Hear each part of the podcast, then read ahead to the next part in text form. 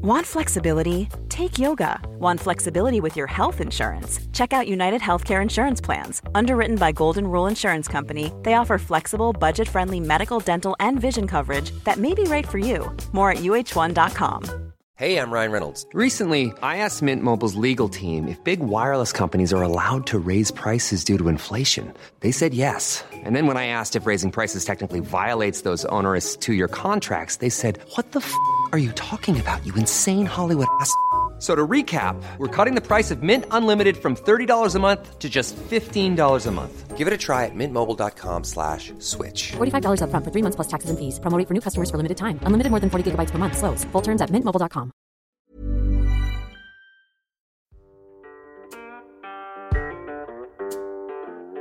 Du kommer nu att få lyssna på podden om ont. En podcast om självhjälp mot smärta och stress med mig, Björn Rodin och med mina kollegor från Kaladius Rehab. Varmt välkommen.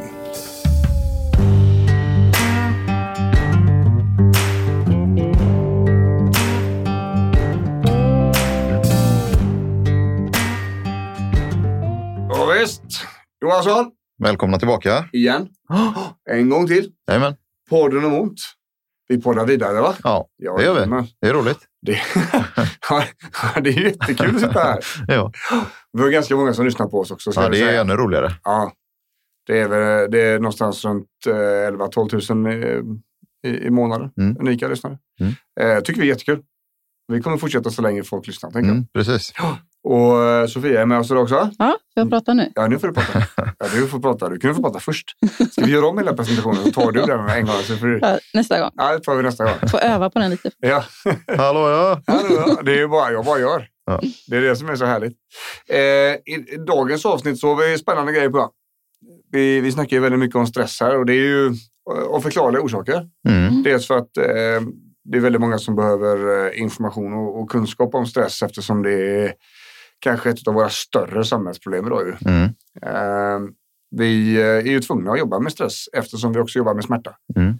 Det ena brukar eh, bära med sig det andra. Mm. Och om man har långtidssmärta så är man definitivt stressad. Mm. Det äter in sig i livet. Liksom. Och eh, jag tänkte att vi ska prata om våra, våra verktyg idag. Mm. Vi gör ju, det är ju väldigt mycket mer än att bara prata. Det, det finns ju syften med pratet så att säga. Mm.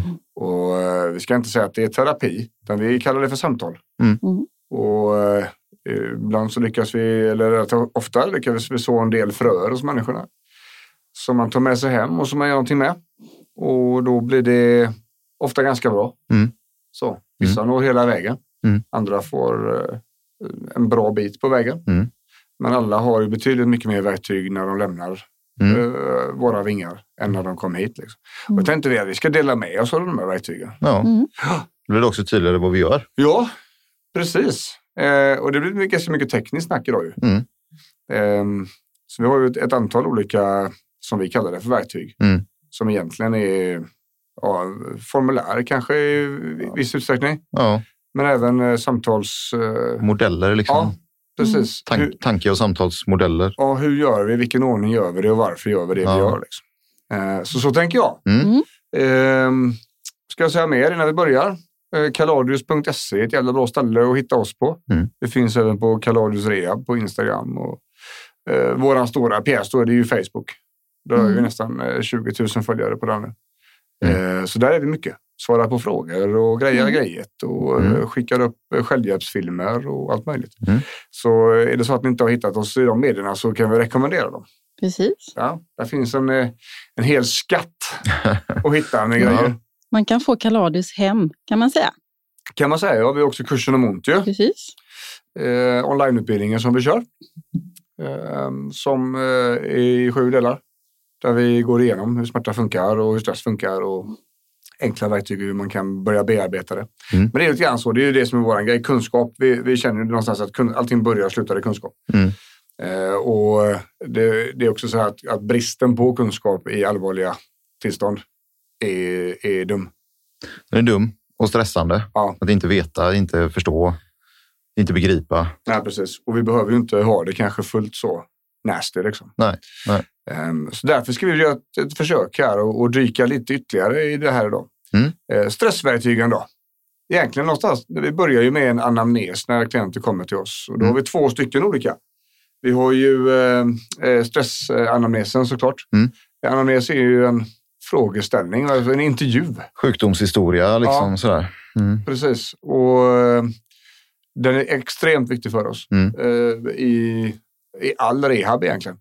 Eh, Vi har ju en eh, skadeanamnes, en smärtanamnes, Mm. eh, om det finns någonting i kroppen. Och vi har en, en ganska omfattande undersökningsanamnes liksom, Mm. för stress. Mm. Så där börjar vi ju. Och i samband med det, i den konsultationen, så, så får man med sig två stycken papper här med egentligen Mm. hos oss. Eh, om vi börjar i i den ena ändan där, då har vi en grej som heter aktivitetsregistrering. Eh, och den är väldigt avancerad. Den eh, talar om mycket för oss. Mm.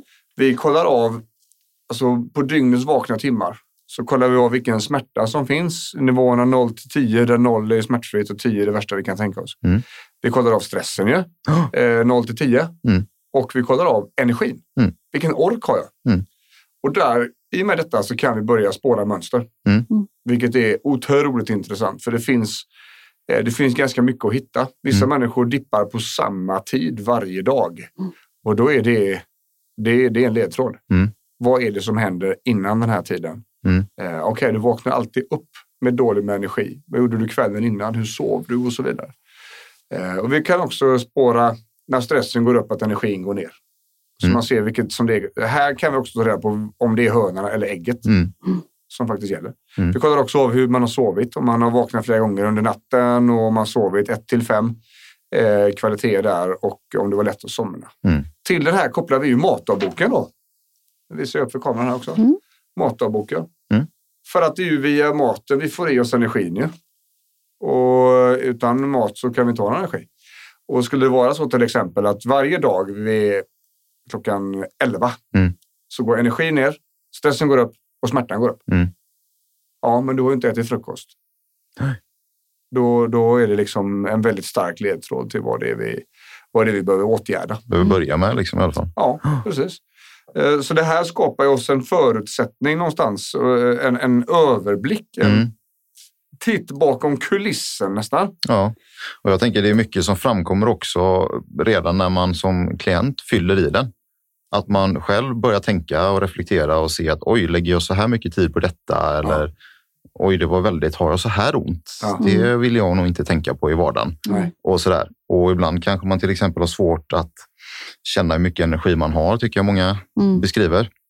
För att man kör på liksom. Livet spinner vidare. Mm. Och då ger det också, också en kvalitativ ledtråd till att den här individen har inte riktigt känsla för när den blir trött eller agerar i alla fall inte på det eller vad det nu kan vara. Nej. Så det finns mycket mellan raderna också i den här eh, aktivitetsregistreringen, förutom det, de objektiva siffrorna. Liksom. Ja.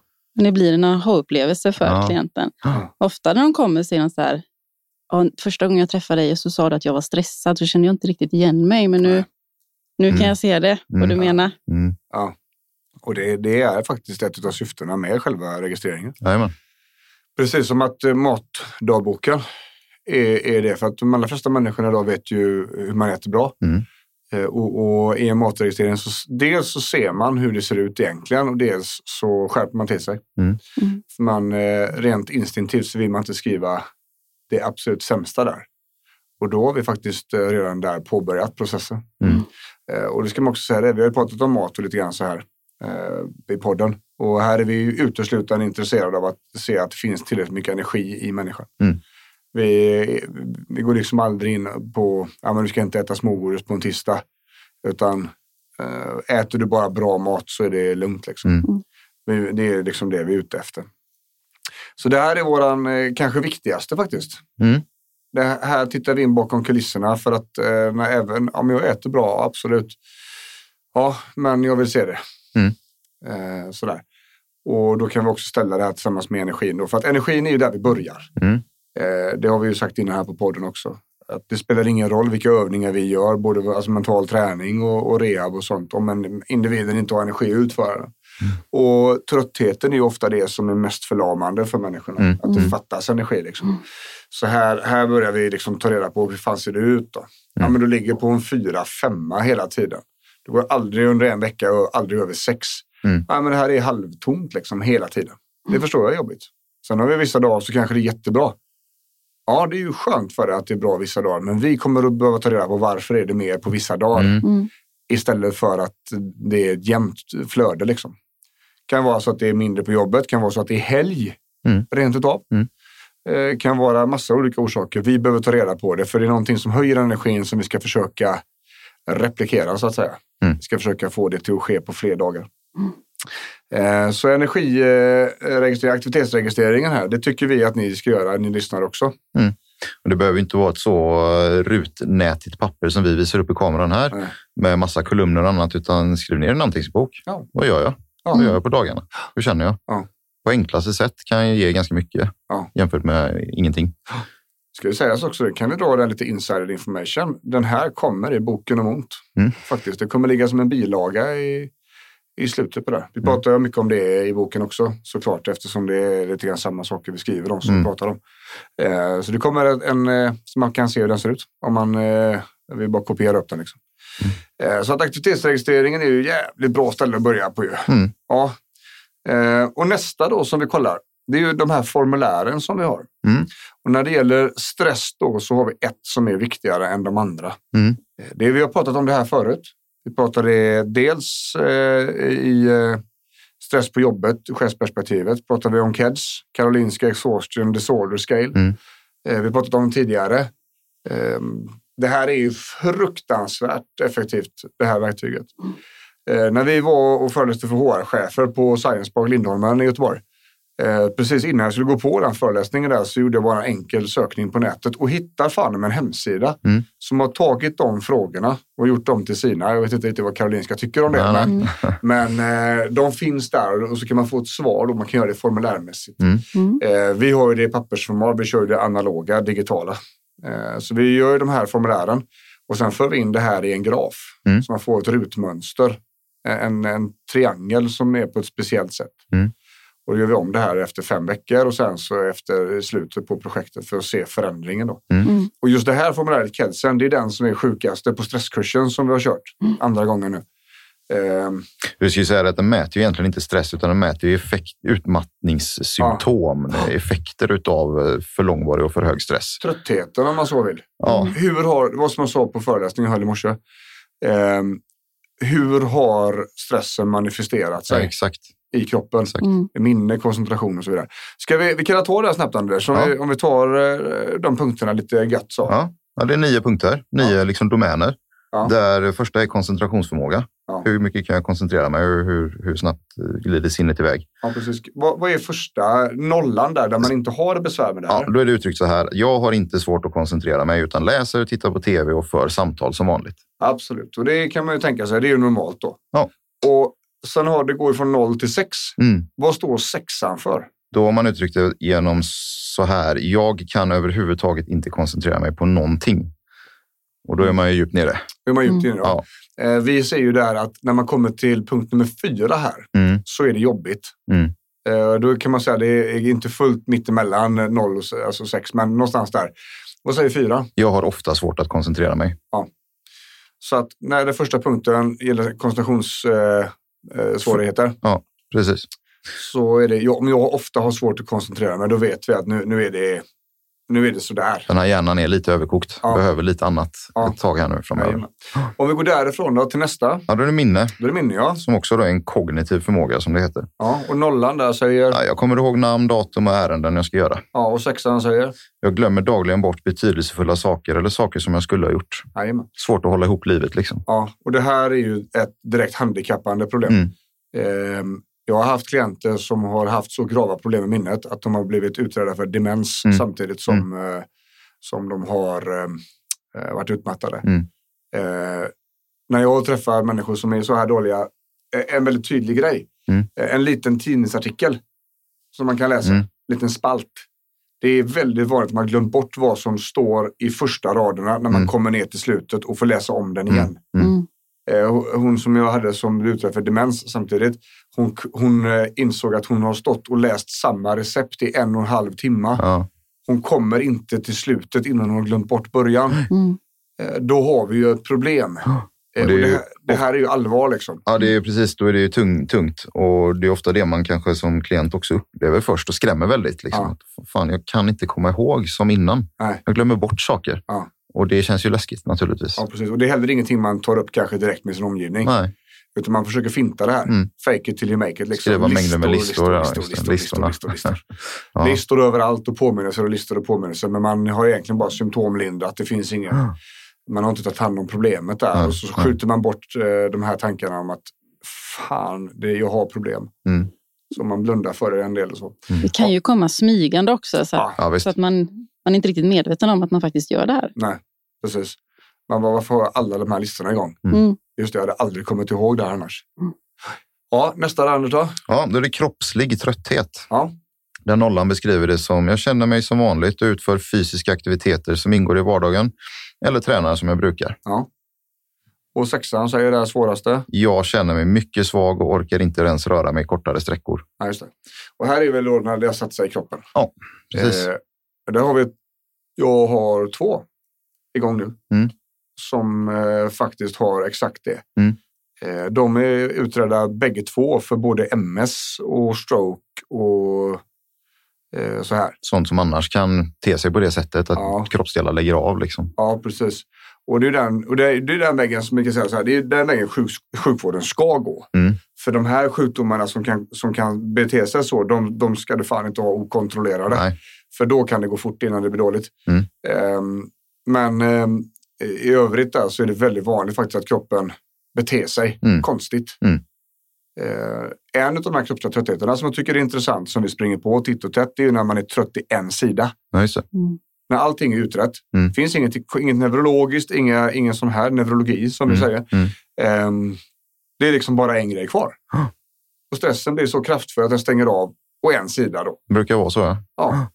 Och, och det här är väldigt vanligt. Mm. Speciellt om man gått med stressen länge och det man har då tendens till att det sätter sig i kroppen. Mm. Mm. Det finns ju de som, som bara går sönder i huvudet och kan Absolut. liksom fysträna nästan. Ah. Så. Ja. Men eh, det här är också en väldigt handikappande grej. Liksom. Och det hjälper ju oss också att man sorterar upp det lite så här i vårt undersökningssyfte Ja. och se hur ja, men okej, huvudet funkar. Jag minns saker och kan koncentrera mig. Ja. Ja, men då kan vi diskutera saker teoretiskt. Ja. Men vi har svårare att träna för att kroppen är körd i botten. Jämfört med tvärtom där vi vet att vi behöver ta pauser i det teoretiska och, och sådär. Men att vi kan ändå fysa hyfsat. Och det är väldigt, det, jag tycker också det är väldigt stor skillnad när man möter dem Mm. människorna. Ja. Jag träffade en för inte så länge sedan, en kille. Eh, han hade precis smält. Mm. Eh, men kom hit för bara en rådgivning. Och där Mm. sa jag faktiskt det, det, det, vi är fel ställe nu. Mm. Det är för tidigt. Mm. Eh, du, du ska liksom ha sjukskrivningar och du kanske Ja, behöver det. antidepressiva och sådana här saker. Mm. Eh, men han fick ju liksom dra efter andan. Mm. Dels för att hålla bort gråten och dels för att, alltså, att han orkade inte prata. Nej, Han orkade inte hålla samtalet igång. Liksom.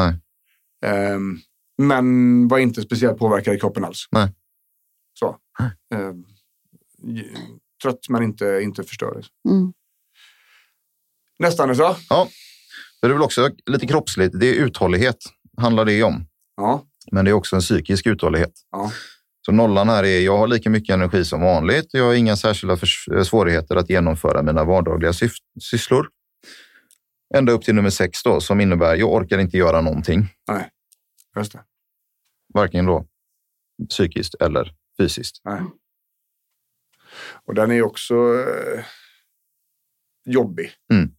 Och, och där tänker jag också, det, är- det är mycket det här, eh, det är inte som det var förr. Nej, Där blir det väldigt tydligt. Mm. Uthålligheten är inte som den var förr. nej. Mm. Det blir tydligare på punkt fyra här. Då skriver man, jag blir onormalt trött av att försöka utföra mina vardagssysslor och umgänge med andra människor tröttar ut mig. Mm. Och så brukar det ju vara. Ja. Att man håller ihop vardagen men kraschar i soffan. Mm. Eller drar sig från att åka på den här festen för att det tar så mycket och man Ja. får inte ut det man vill av det. Liksom. Mm. Ja, det är fantastiskt. Mm. Det, och det här är väldigt viktigt för oss att veta. Då, liksom. Mm. tar vi nästa då. Ja. Vad har vi där? Återhämtning. Ja. Så när man väl har gått på pumpen här nu då, vad, vad händer med kroppen då? Ja. Eh, den nollan är, jag behöver inte vila under dagen. Nej. Inget problem. Nej. Medan sexan är, det spelar ingen roll hur mycket jag vilar. Det är som att jag inte kan ladda mina batterier. Och den är ju sjukt vanlig. Och där har vi pratat om det här. Eh, holländska studien Ja. för något halvår sedan som det kom. Mm. Där just återhämtningen, när den inte gör sitt jobb Mm. längre på samma sätt, då är man eh, ett par hack för djupt ner på stressstegen. Mm. liksom. Och precis, den samma studie talar också om eh, eh, att eh, normala arbetsuppgifter Ja. eh, eller uppgifter överhuvudtaget i vardagen tar onormalt mycket tid. Precis. Och då kan vi backa tillbaka till punkterna uthållighet. Mm. Så.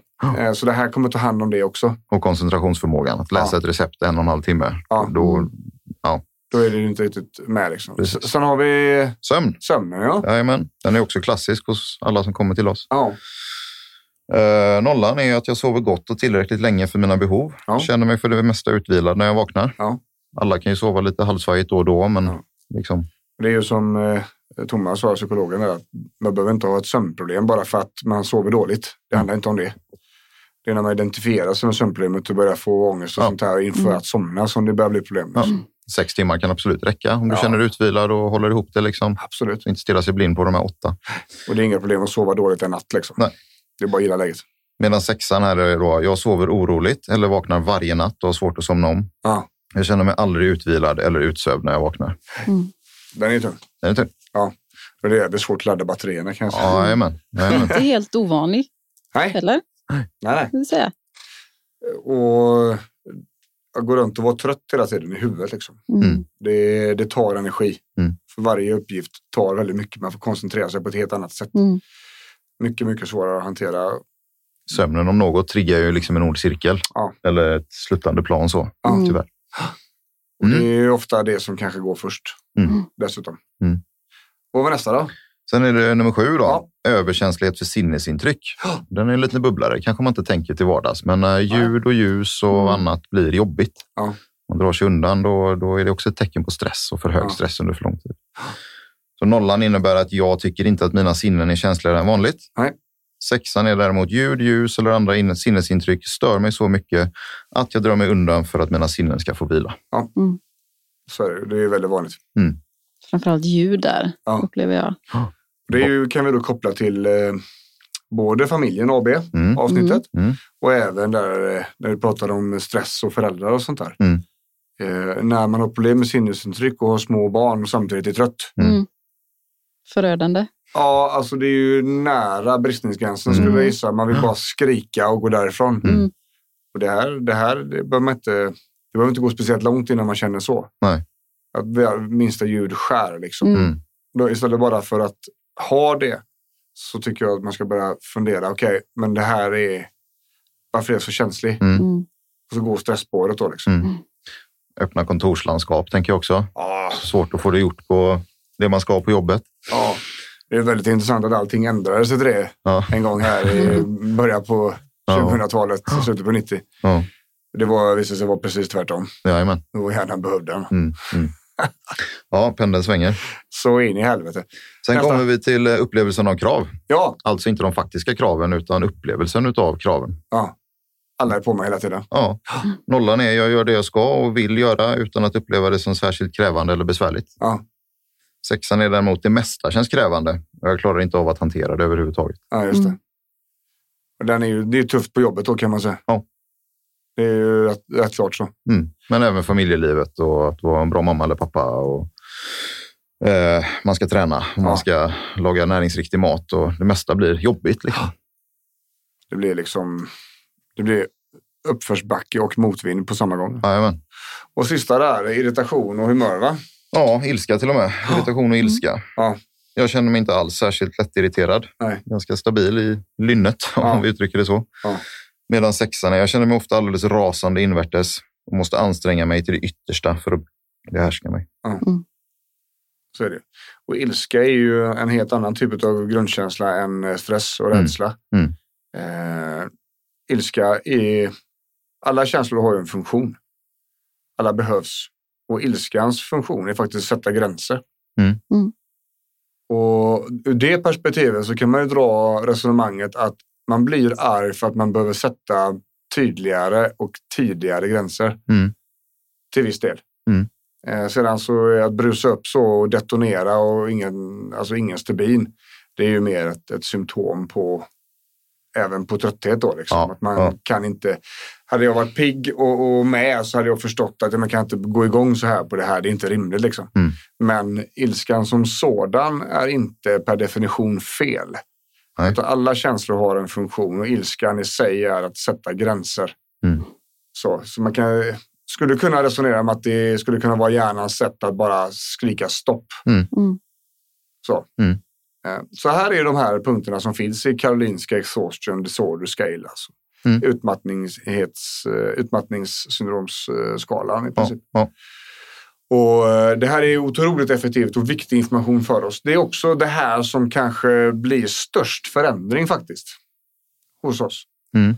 Eh, finns det en smärtbild så brukar vi ta hand om den ganska bra. Det sjunker väl i snitt 50 procent Mm. eh, på våra 15 veckor. I alla fall de vi gjorde kollen på under hela 2018. Mm. Eh, 55 procent tror jag det sjönk i snitt. Ehm, och det här har vi inte gjort någon, har vi inte hunnit göra en långtidsuppföljning på. Vi. Har inte haft igång den tillräckligt länge. Men det, kollar vi på stresskursen till exempel så sjunker det ju som en sten. Mm. Mm. De här siffrorna. På väldigt kort tid. Mm. Så på sex veckor så går vi ju från alltså väldigt jobbiga siffror till nästan normaliserade. Mm. Mm. Eh, vissa mer, andra mindre såklart. Men snittet på gruppen då. Mm. Och det här är också det som vi ser påverkar människor mest. Mm. Om vi, pratar, om, vi, om vi flyttar bort det här biologiska perspektivet med kroppen och eh, ont, smärtbilder och sådana här saker så är det det här, det är nog det här vi jobbar mest med. Det är också det här som går att påverka väldigt snabbt. Mm. Bara med samtal och väldigt enkla insatser. Mm. I liksom att prioritera sig själv och, och eh, jobba med de sakerna. Vilket vi kommer in på om en stund där. Mm. Så det här är, det här är KEDSen. Mm. Ja, ett av våra viktigaste verktyg för stressen. Mm. Eh, Jag tänker kring det också, just det här liksom att, att det är så effektivt. Det är ju att får man bara lite energi Ja. mer så får man lite, lite mer hopp. ja, Och så börjar det liksom den positiva spiralen då istället. ja. Det är lite grann det vi gör här. Först och främst så måste vi bryta det negativa. ju. Mm. Alltså sluta mata in dåliga grejer. Saker som man har gjort av ren slentrian eller reflex. Mm. Och sen så försöka ändra det beteendet så att det är positivt. och Att man prioriterar rätt saker då. Liksom. Mm. Och i det här att skapa, och vi har pratat om det i återhämtningsavsnitten som vi har haft i flera olika etapper. Eh, återhämtning är inte bara sömn. Nej. Utan vi måste skapa energi så vi kan göra roliga saker. Och vi kan vara lite grann i fred. Mm. Då kommer det här att vända automatiskt. Mm. Maten, energin och det här, det kollar vi av så att det bara finns minsta möjliga, alltså good enough. Mm. Eh, och därefter kan vi ta avstamp. Att den här lilla gropen, den lilla skvätten med energi som vi faktiskt har, det ska även gå till att skapa mer energi, eh, om än väldigt lite. Mm. Så det är väldigt viktigt. Och om vi då går ifrån eh, kedsen där, så tänker jag att vi ska eh, hoppa till eh, två stycken listor. Mm. Eh, byter lite ordning här. Bara Ja. för att jag fick feeling. eh, vi har eh, när vi ska ta reda på för klienter hur mycket energi som går åt till, eh, eh, till varje sak. Mm. Så gör vi ett, eh, en lista som heter M3. Mindre, medel, mest. Mm. Tre stycken rubriker. Och under de här rubrikerna så ska vi sortera in allting vi gör på en dag. Mm. För att hjälpa individerna att sortera upp. Vad är det som tar mindre energi av mig? Vad är det som tar medel mycket energi av mig? Och vad är det som tar mest energi av mig? Mm. Grejen var den att vi hade eh, klienter som eh, tog bort det som gav minst energi. Eller det som förbrukade minst energi. Men hade kvar det som tog mest energi. Mm. Mm. Då insåg vi att fan, vi, måste ändra, vi måste fixa, vi måste hjälpa dem med det här. Eh, Jag hade en klient som, eh, en kille som tog bort, på riktigt nu, han prioriterade bort tandborstningen. För att eh, det var hans sätt att spara energi innan han skulle lägga sig. Mm. Och det kan man ju fnissa lite grann åt. Mm. Men för oss så är det ett väldigt tydligt tecken på att man inte riktigt är med på vad det är som konsumerar riktigt. Mm. Eh, hans jobb då, där, som han bara spydde på, var oprocessat i princip. Mm. Han har inte pratat med chefen, han har inte börjat se över i arbetssituationen, ingenting sånt. Mm. Men han tar bort tandborsten.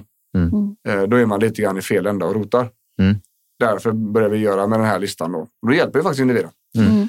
Tala om, okej mindre, vad är det som tar mindre? Ja, eh, det är inte speciellt jobbigt att åka bil till jobbet. Nej. Nej, det är rätt okej trafik och det är lite skönt. Ja, men bra. Mm. Men eh, läxorna med en bråkig tonårsdotter Mm. dränerar mig fullständigt. Mm. Ja, Okej, bra då vet vi det. Mm. Så det här blir ju ett sätt att skapa en, en även om de då har koll på sin energi via aktivitetsregistreringen så behöver vi få reda på vad är det de tycker är Mm. det och sen hjälpa dem prioritera bort dem. Mm. Det finns det någonting under mest-kategorin här som vi kan faktiskt påverka så den tar mindre energi. Mm. Då vill vi gärna göra det för då är effekten väldigt stor. Mm. Ehm, och det är, är vi ute efter det, små insatser som ger stora effekter. Mm. Som eh, sjukvården säger med mediciner. Minsta möjliga mediciner med mesta möjliga effekt. Mm. För att det här är ju grejer som är jobbiga. Det är ju saker som vi har hållit på med väldigt länge och som det är jobbigt att förändra och så vidare. Därför kan vi inte gå in och göra allting på en gång. Och det är lite grann samma som vi resonerar om vi får viktnedgång sådär, Mm. på, i våra händer. Ja, men, ja, du rör dig inte och du äter fel. Okej, att både börja träna och äta rätt kommer att vara ett jättestort ingrepp i livet. Mm. Det är bättre att du börjar röra på dig för där är effekterna störst. Mm. Går du från noll till att göra någonting så är det jätteeffekter där. Och så får du göra det två, tre veckor och äta som vanligt. Sedan börjar vi korrigera Mm. i maten. Mm. Så att vi inte gör allting på en gång. Nej, det är tufft för hjärnan. Samma sak tänker jag om, om med maten igen där då, om vi har någon som inte äter, vilket är väldigt vanligt här. Mm. Att vi börjar med frukosten och så får man äta det en vecka Mm. varje dag. Ja, bra, nu funkar det. Nu lägger vi på lunchen vecka två. Mm. Kanon, då funkar det också. Och sen vecka tre lägger vi på middag. Så på Mm. tre veckor har vi skapat tre hållbara måltider om dagen. Mm. Och det räcker för alltså 90 procent Mm. Av alla människor. Mm. Det är väldigt sällan du behöver mer. Liksom. Det är om du tränar och idrottar och sånt där, då kanske du behöver mer energi. Då kanske målen blir för stora Ja. för dig att äta varje gång. Då. Mm. Så en M3, den tycker Mm. vi att ni ska göra. Mm.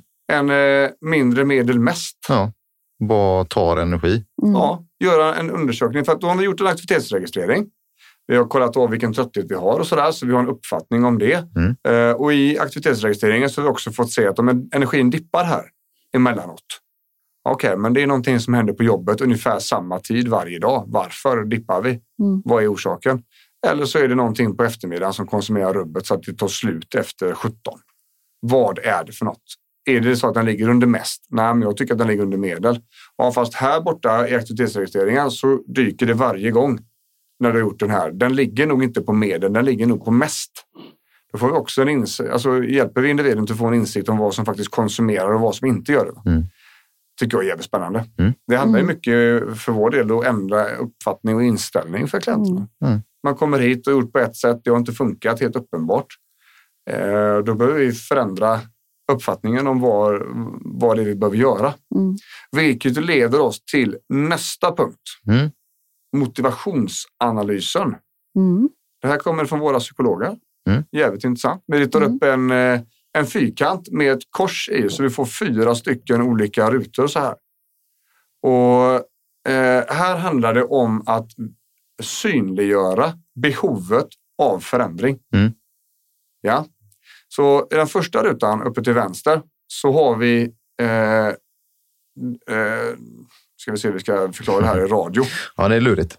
Ja, eh, till vänster om den första vänsterrutan så skriver vi, eh, vad ska vi skriva där? Jag vill skriva lång sikt. Nej, Nej, Eh, kort sikt. Kort sikt. kort sikt ja. Kort sikt, det är vad, vad gör vi på kort sikt? Och eh, idag va? A lot can happen in the next three years. Like a chatbot may be your new best friend. But what won't change? Needing health insurance. United Healthcare Tri Term Medical Plans are available for these changing times. Underwritten by Golden Rule Insurance Company, they offer budget friendly, flexible coverage for people who are in between jobs or missed open enrollment. The plans last nearly three years in some states, with access to a nationwide network of doctors and hospitals. So, for whatever tomorrow brings, United Healthcare Tri Term Medical Plans may be for you. Learn more at uh1.com. Confidence starts with loving who you are. And when your skin feels nourished and glows on the outside, you naturally radiate confidence from the inside. Give your skin a glow up with Osea's clinically proven Mega Moisture Duo. This ultra hydrating body care features two of Osea's best sellers, Undaria Algae Body Oil and Undaria Collagen Body Lotion. These seaweed powered heroes use skincare level ingredients normally reserved for your face for results you can see and confidence you can feel. Osea has been making clean, clinically proven seaweed infused face and body care products for over 28 years. This luxurious skincare is vegan, cruelty free, and climate neutral certified, so you never have to choose between your values and your best skin. Glow from the inside out. Get 10% off your first order with code GLOW at OseaMalibu.com. That's O S E A Malibu.com code GLOW. Och sedan så ska vi ha på lång sikt. Så det är ju två kolumner egentligen. Ja. Där den övre, ena vänstra kolumnen är nuvarande läget Ja, och den högra kolumnen är liksom eh, imorgon då, eller förändring Framtid. eller framtid. ja. Och det är så här. Om det vi gör på kort sikt känns bra just nu. Mm. Det, det gör oss, vi blir lite lugna av att eh, eh, Slänga oss i soffan och kolla på tv kanske? ja, ligga stilla. Mm. Eh, så. Och då känns det bra idag på kort Mm. sikt. Då kan man rita en glad gubbe där. Mm. På lång sikt så vet vi att ligga kvar i den där soffan och inte röra på sig och så vidare och så vidare. Det kommer skapa en negativ Mm. eh, känsla. Eller det blir negativt för kroppen. Det blir problem långsiktigt. Ja, exakt. Så även om det känns bra så är det inte bra på sikt. Då. Eh, och om vi kollar, om vi ska förändra det här på lång sikt, då behöver vi kanske göra någonting just idag som vi inte riktigt har känt för. Mm. För att det ska bli bra på lång sikt. Mm. Mm. Så där har vi kameran, längst ner där. Och det här är väldigt intressant, för det här, det här är någonting som vi jobbar mycket med. Eh, och det, det är också här någonting vi coachar de anhöriga till att göra. Mm. För att det är många som kommer till oss och frågar om, ah, men kan inte min man komma in här eller kan inte min fru och så vidare. Eh, och då är första frågan vi ställer, ah, men vill de själva då? Mm. Nej, det- han tänker inte så, utan eh, jag tycker att han borde det. Mm. Mm. Absolut. Men om inte han vill själv så ska han inte hit. För det, vi kommer inte, det kommer inte funka. Mm. Vi kommer inte ta honom i mål om inte han vill själv. Och hur fan ska jag visa honom det? Hur ska jag få honom till att förstå det här då? Ja, men då handlar det om att belysa hur vill du ha det egentligen? Ja, I framtiden vill jag ha det så här. Jag vill ha mindre ont, jag vill ha mindre stress, jag vill ha mindre ångest, jag vill kunna ha en bättre koncentration, Mm. jag vill kunna leka som jag vill med mina barn, jag vill kunna ha bra minne och så vidare. Bra. Har du det idag? Nej. Okej, så du vill förändra det? Ja, bra. Då är det så här, det här står på framtiden. Om du fortsätter som du gör idag så kommer det fortsätta vara lika dåligt imorgon och om två veckor som det var igår. Mm. Men om du gör förändringar idag som du kanske inte riktigt är pepp på så kommer det här att bli bättre på sikt. Mm.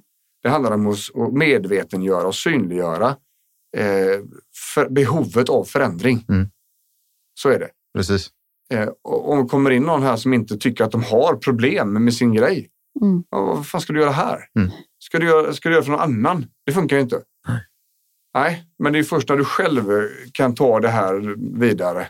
Det är där. Så motivationsanalysen. Mm. Eh, just för att komma fram till vad är det jag vill ha förändrat. Mm. Det är ju en väldigt viktig grej. Mm. Och det är också en, eh, en sak som vi belyser väldigt tidigt.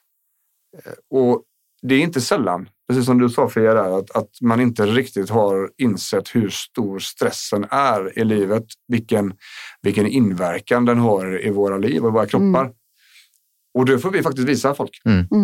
Och vilka alternativ man har. Ja, Som vi brukar säga, livet bara händer. ja, Och man har svårt att se att det finns eh, andra sätt att göra saker och ting på eller se på saker i ett annat sken eller ljus. Mm. Sådär.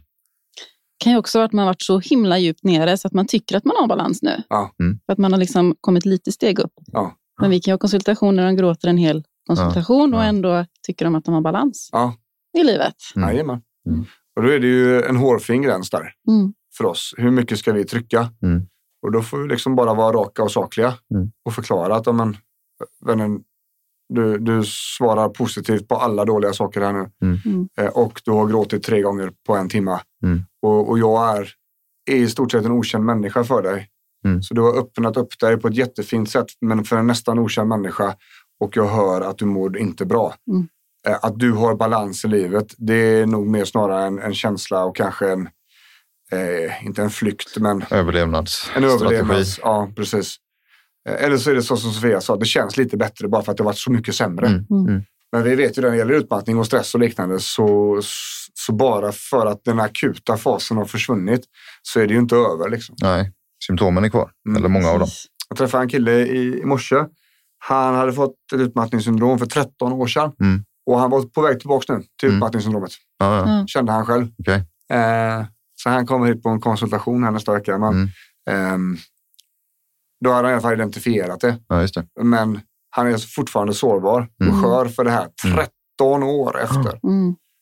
Eh, så att det, det finns ju, när man, när man går, lämnar den akuta fasen, utmattningssyndrom och går in i återhämtningsfasen, Mm. så kommer det kännas bättre. Mm. Eh, det betyder inte att det är över. Det betyder Precis. inte att man är liksom out of the woods. Nej. Utan det är där man måste plocka in ny kunskap för att inte hamna tillbaka där igen. Och då acceptansen om att det är inte som det var förr. Exakt. Mm. Och det är inte säkert det kommer att bli som det var förr. Nej. Eh, om du har skadat benet så illa så att du inte kan röra knät så, så är det mycket lättare att förhålla sig till. Mm. Jag ser att knät är trasigt, jag kommer inte kunna springa som jag gjorde förr. Punkt. Men när det händer in i huvudet så är det så otroligt mycket svårare att se det. Mm. Mm. Men det är ju det här när man får lite energi också. Ja. Så blir man så glad. Ja. Så vill man bara köra på. Och så passar man på. Mm. Och då är vi inne i ett annat avsnitt och Ja. där vi pratar om push and crash. Jajamän. Jajamän, Ja. konsekvent. Men, men, och det är också det här när man, är, när man kan identifiera sig med informationen som vi har sagt här på det. Så, ja, så här är det verkligen. Så här är det verkligen. Bra. Där har ni nuvarande situationen och så länge ni fortsätter göra som ni gör så kommer det fortsätta att vara som det är. Mm. Men vill ni förändra detta så måste man göra insatser. Och eh, podden har väldigt mycket information om detta. Mm. Eh, och det är det här vi jobbar också med på Kaladius då. Om, man, om det är komplicerat hemma, så att säga. Vilket det ofta är. Mm. Eh, om vi går ifrån eh, motivationsanalysen nu då till eh, två listor till som jag tycker är väldigt intressanta. Eh, det är listan need to do och nice to do. Det Precis. behöver en balans däremellan. Mm. Eh, saker man behöver göra på dagen och saker man vill göra på dagen. Mm. Mm. Det får inte vara eh, en grej på nice to do och 45 grejer på need to do. Nej. Utan det måste finnas en balans. För vi pratar om att man måste göra roliga saker. Man måste göra saker för sig själv. Man måste göra saker för, som man själv tycker om och som man får energi av, som man blir upprymd av, som känns bra i magen. Den här goda känslan i huvudet, det är den man är ute efter, den man letar efter. Den behöver hända. Mm. Både över hela veckan och helst av allt lite grann varje dag. Mm. Då kommer man liksom att, att bromsa en eventuellt negativ, jävligt dålig utveckling. Och då är det ett väldigt enkelt sätt att göra en lista här. Need to do och nice to do. Vad är det vi behöver göra och vad är det jag vill göra? Mm. Om det är väldigt mycket på need to do så får man börja sålla. Vad är det som är helt nödvändigt? Och Mm. framförallt om man lever i en familj. Är det någon annan som kan gå in och göra lite need to do här? Mm. Precis. Exakt. Och vad är verkligt behov? Ja, Är det behov att dammsuga en gång i veckan eller räcker det var 14 dag? ja Mm. För att frigöra lite energi Ja. och börja i den eh, ändan. Liksom. precis. Och ofta är det ju små grejer Ja. som, man får, som man kommer se. Bara, här, alltså det här behöver inte jag göra idag. Nej. Nej. Mm. Men när man ser det och känslan kommer så känns det som att det behövs göras Mm. direkt nu. Mm. För det känns dåligt om det får vara kvar. Mm. Typ disk eller tvätt eller eh, eh, vad som helst. Mm. Det kan ju ge en liten tillfredsställelse också att ha Ja. gjort det. Jajamän. Och det är det här vi måste stävja. Mm. Och det här vi måste använda förnuftet. Men eftersom vi kommer att stå där och bara känna känslan så kommer det bara hända. Och då händer det som alltid har hänt. Mm. Mm. Det innebär att man tar hand om tvätten, disken, barnen bara för att man alltid har gjort det. Mm. Och det är det vi behöver bromsa liksom då. Vilket vi kommer in på i lösningen sen. Och ibland är det ju så att man kanske inte har någonting på nice to do. Nej. Och det har vi pratat om förut också. Att då Absolut. får man titta bakåt i tiden. Då behöver man ha in någonting där som faktiskt är nice to do. Mm. Och det är nödvändigt. Och det ska in, alltså på den här pyttelilla energin man har Mm. om dagen och disponerar så ska det fan in där. Mm. Och det, är, det var ingen fråga, utan det måste in där. Mm. För annars så kan det inte skapas ny energi. Nej. Framförallt inte den emotionella energin, den som gör att det verkligen är roligt att leva liksom, Mm. och det här härliga. Eh, så där, där är det ju, det, det där är viktiga saker. Det måste finnas en balans mellan need to do och nice to do. Så där har vi ytterligare en lista. tycker vi också att ni ska göra. Mm. Mm. Eh, och eh, när det gäller känslorna, är vi inne på faktiskt det sista verktyget som vi tänkte ta upp här idag. Det är någonting som kallas för kedjeanalys. Mm. Eh, och då eh, gör man ett antal kategorier. I, om vi börjar, tänk ett liggande A4-papper. Och så börjar vi i ena ändan eh, med eh, tankar. Mm. det vad är det man tänker? Någonting händer va? Det är någonting som har hänt. Eh, så hela analysen bygger på en situation kan man säga. Mm. Ehm, Där det inte blev riktigt som man ville. nej, Där det blev ett jobbigt utfall. ja, Man fick ont eller man blev upprörd eller vad det nu kan vara. ja precis. Skapa mycket stress Mm. eller irritation. Ehm, vi kan säga så här. eh, en klassisk grej jag har bland tjejer det är när det kommer en chef på fel tillfälle och ber om en sak som man vet är fel. Mm. Eh, eller inte kommer hinnas med och man känner att man måste göra det i alla fall. Mm. Mm. Den är ju klassisk. Eh, så situationen är att chefen ber om en uppgift som han vet att det är omöjligt för dig att hinna detta, men han mellan raderna tycker det i alla fall. Mm. Tankarna där som kommer där eh, är ju liksom kanske att jag borde hinna detta. Mm. Tänk om jag inte hinner detta, vad kommer hända då? Då kommer folk tycka illa om mig kanske och så vidare. och så vidare. De här tankarna ger oss eh, ledtrådar Mm. på eh, vad, vad, vilken känsla man befinner sig i. Mm. Och därefter så kollar vi just känslan. Vad var det du kände? Mm. Blev du stressad? Blev du orolig? Blev du arg? Blev du Uppgiven, Uppgiven. frustrerad. så här? Va? Ehm, och de här tankarna, de här känslorna, vad gav det för beteende? Ja, i, I caset här då så gjorde man faktiskt så att man jobbade på helgen. Mm. Fastän det var inte någon som hade bett om detta så blev situationen sådan att, att hon valde att jobba på helgen. Så det var klart på måndag fast den egentligen inte kunde vara klart på måndag. Mm. Mm. Eh, konsekvenser på kort sikt innebär att eh, det blev klart. Mm. Det innebär att eh, eh, du uppföljde din del Mm. i kedjan så att säga. Mm. Eh, Det innebär också att helgen inte vigdes till det som den kanske borde vigas till. Ja, Mm. och det innebar också att eh, du fick ett ökat stresspåslag. Mm. Så där finns både funktionella Mm. konsekvenser och eh, ofunktionella konsekvenser för det. Mm. Konsekvenser på lång sikt på det här är att ja, men du återhämtar dig inte den helgen heller. Mm. Eh, det kan vara så att chefen, eh, eftersom han gjorde det här en gång så kanske han gör det igen. Mm. Men eftersom han inte fick höra att du inte kan så kan det bli så att han lär sig det Mm. Och fortsätter komma med de här grejerna som de ah, utgår från att du löser. Liksom. Ja. Ehm, Vilket du också gör. Absolut. Och då har vi liksom en kedja i det här. Innan eh, tankarna kommer så pratar vi också, då backar vi lite grann och pratar om utlösande faktorer. Mm. Eh, ja, det kan vara så att tiden var en utlösande faktor, att det var på fel tillfälle. Det kan vara så att du var trött. Mm. Eller nej, att, att eh, eh, chefen är på ett speciellt sätt och han sa det på en speciell ton som gjorde att du kickade på detta. Mm. Mm. Och innan dess så ligger sårbarheten om du var trött, hungrig, stressad och så vidare. Mm. Så här har vi en hel analyskedja. Ja, för att bryta ner lite grann. Vad var det som ledde fram till att du blev stressad? Ja. Kan man säga. Ja, vad var det som gjorde att det kändes som det gjorde? Mm. Eh, och det är väldigt viktigt för oss och det här är ett väldigt bra sätt att faktiskt tänka klart på kvällarna Mm. också. Att eh, om man ligger och ältar det här i sängen, gå upp och gör en sån här kedjeanalys och tänk klart det. Mm. För till den här kedjeanalysen så under kategorin tankar, där vill vi få in en alternativ tanke. Mm. En alternativ tanke i den här situationen där man kände att man borde och att, eh, det, att folk kommer tycka illa om mig om eh, jag inte gör det är kanske att nej, jag eh, ska inte göra detta. Eh, Jag prioriterar min återhämtning och jag har helt enkelt inte tid. Mm. Är det någon som anser att jag ändå ska göra det här så är det deras huvudvärk och inte min. Eller jag kan ta detta, men då behöver någon annan ta min andra uppgift. Mm. Liksom. I situationen med chefen. Då. Precis. Till exempel. Och, och det här då, de här alternativa tankarna kommer ju då kunna eh, till viss del förändra känslorna Mm. som man har. Man blir inte kanske fullt lika stressad om man faktiskt har förmågan att dra i handbromsen eller omprioritera Mm. eller säga ifrån. Mm. Mm. Det innebär också att beteendet blir kanske då istället ett alternativt beteende att man inte jobbar helgen. Mm. Utan man faktiskt fick återhämta sig som alla andra. Konsekvenser på kort sikt är att det kanske blir lite grinigt Mm. hos chefen som inte fick igenom det han ville. Det, det innebär också att eh, ja, kanske är det så att eh, arbetsbelastningen ökar på måndag. Det finns olika saker där. Konsekvenser på kort sikt är också att du faktiskt fick återhämta dig på helgen. Mm. Konsekvenser på lång sikt är att du har tagit hand om din egen återhämtning på det här sättet. Du har satt gränser. Du har liksom övat dig på att säga nej och så vidare. Mm. Och det kommer att gynna dig på lång sikt. Äger din egen situation på ett annat sätt. Jajamän. Så här har vi då en kedjeanalys eh, för att då ta reda på tankar, känslor och beteenden och så konsekvenser på kort sikt och lång sikt. Mm.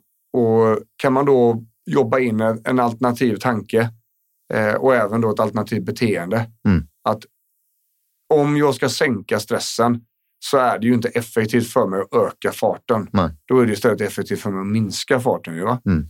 Det innebär att vi faktiskt kan förändra det. Mm. Känslorna ska vi inte ge oss på att försöka förändra utan de får komma. Mm. Det är bara det att, att KBT pratar om att vi inte ska agera fullt ut på impulsen som kommer. Vi måste skapa en funktion där vi inte går direkt på känslan. För då blir vi känslostyrda och då kommer vi också bli mer i görandet som i sin tur kommer driva upp tempot och driva ur energin hos oss. Liksom. Så där har vi kedjeanalysen. Väldigt effektivt att göra på kvällarna. Också väldigt effektivt när man inte riktigt förstod situationen. Varför kände jag så här nu? Mm. Mm. Varför får jag alltid ångest när han kommer? Vad är det som gör att, han, att det blir så här? Mm. Kan man göra det här, reda ut det? För om man förstått sin egen reaktion så blir det otroligt mycket enklare att förhålla sig till. Mm. Och det är ju det här vi gör också, fast vi gör det ofta i huvudet. Mm. Pang, pang, pang, pang. Bara, men ge, mig en pra- ge, mig, ge mig ett exempel, ett praktiskt exempel på när stressen ökade och det var helt orimligt. Mm. Ja, eh, tvättstugan. Eh, det var fem minuter kvar på tvätten när jag kom och jag hade inte fem minuter över. Mm. Eh, för sen skulle jag börja ställa mig och laga mat. Mm. Okej, vad är det som gör? Ja, men om jag inte lagar mat så kommer barnen inte att få äta mat. Då kommer de vara hungriga Mm. och så vidare. Och så Mm. vidare. Så det, ofta är det en, en, en kedjesekvens som händer i huvudet som inte riktigt är överensstämmande med vad som kan förväntas hända. Nej. Mm. Har man ett litet stresspåslag så blir små saker väldigt, väldigt stora. Precis, man är så, så mycket i känslan. Mm. Och då blir ju ofta de här katastroftankarna blir ju gärna äkta då för huvudet. Mm. Det här är ett bra sätt att lugna ner dem på. Mm. Och se att men det här är helt orimligt. För bara genom att sätta sig och dissekera sin egen tankekedja kommer göra att man ser vad som är rim och vad som är reson. Mm. Och jag tycker att om man börjar använda den kanske på lite större saker eller så, så kan man börja använda det sen på de där lite mindre sakerna som startar en liten stress i kroppen eller startar en stress i tanke eller någonting. För då har man redan stoppat stressen. För har man stresspåslag så kommer man ju bli jättestressad när man ska vidare till någonting. Eller? Mm. Då hinner man stoppa det lite innan. Ja. Att man har det inarbetat. Ja, precis. Vilket egentligen tar oss till lösningen då. Ja. Eh, och det här är ett ord som ni har hört tidigare och som faktiskt eh, är fungerande på allt det här vi har sagt nu med energidisponering, med smärtkontroll, med eh, se över livet med motivation. Vad är det vi vill ha ändrat Mm. och så vidare och så vidare. Vad är det eh, som är viktigt? Och det är ju medveten närvaro. Det kallas för mindfulness också, men, men eh, det är otroligt infekterat det ordet. Så vi undviker det. Medveten närvaro, förmåga att vara här och nu, handbromsen i själen. Mm. kommer göra att du kommer kunna ta de här besluten. Du kommer kunna stoppa energiförbrukningen till att bli för mycket. Du kommer kunna ta beslut som är vettiga för dig här och nu. Mm. Eh, om vi går tillbaka till motivationsanalysen till exempel. Så det här förmågan att faktiskt besluta någonting idag som är fördelaktigt för att om sex veckor. Mm. Då går det inte bara vara eh, i känslorna för då kommer du inte vara här och nu utan du kommer bara göra som du alltid har gjort. Mm.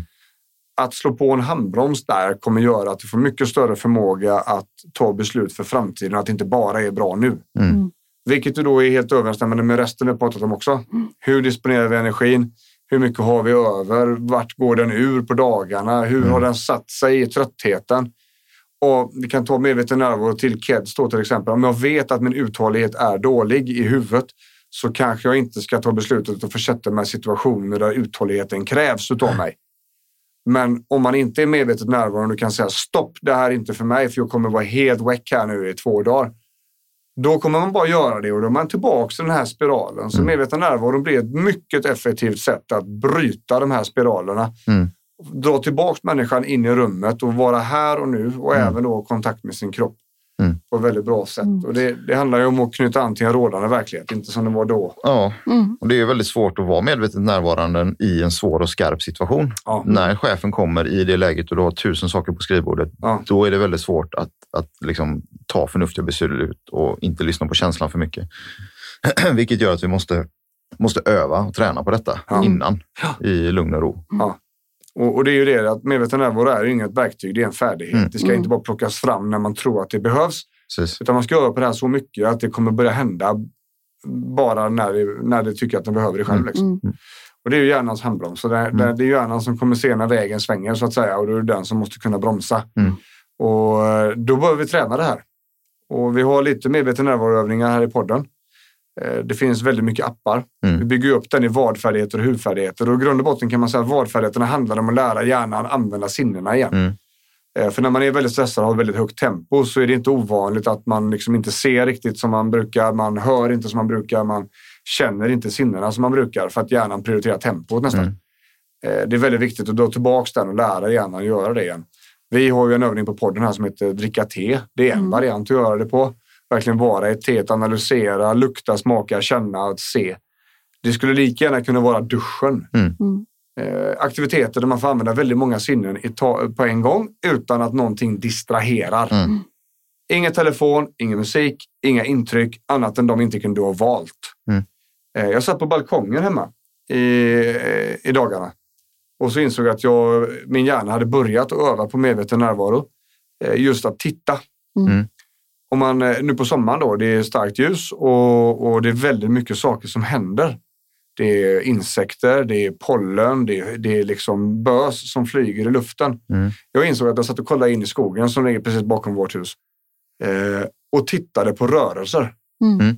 Mm. Försöka identifiera alla olika typer av rörelser som är i luften eller som är i ditt synfält. Mm. Och insåg att ja, men det är en fjäril här nere. Det är, det är ett löv som blåser på ett speciellt sätt uppe i högerhörnet. Det är, det är pollen som blåser kors och tvärs. Eh, där gick eh, rådjur i skogen. Eh, det var en liten skata som höll på att bygga bo där borta. Jag insåg det att fan, hjärnan håller på att greja själv här nu för att den fick lov att vara i fred. Mm. Ingen musik, ingen telefon, ingenting. Den fick lov att vara i fred och då kommer det att funka. Mm. Så att reducera white noise, Mm. ta bort alla intryck, låt hjärnan bara vara. Du kan placera den på ett ställe som du tycker om, men därefter låter du bara den vara. Mm. Sätta sig vid havet, titta på vattnet, vågorna, båtarna, fåglarna, klipporna, eh, molnen och bara vara där. Mm. Lämna mobilen i bilen liksom och bara sitta och glo. Så ska jag se, det som händer i huvudet där efteråt, det är det ni är ute efter. Mm. Den känslan är det. Så att om ni inte vet vad vi pratar om, testa det. Mm. Och så känn efter precis efteråt. Den känslan ni har där, lugnet som blir i själen, alltså inuti. Och, och känslan som blir inne i skallen, det är den ni letar efter, det är den ni är ute efter. Mm. Eh, och då är det medveten närvaro. Och det kommer också bli väldigt återhämtande för de allra flesta. Mm. Så där, där tänker jag. Ja, Fan om vi inte ska dra ihop avsnittet på det sättet. Det Ja, det så, var va? fin avslutning. Ja, jag tänker det. Eh, vi pratar eh, olika verktyg. Vi började med aktivitetsregistreringen. Mm. Tala om liksom, vad gör vi, vilken smärta har vi, vilken stress har vi, vilken energi har vi, koppla det till en matdagbok.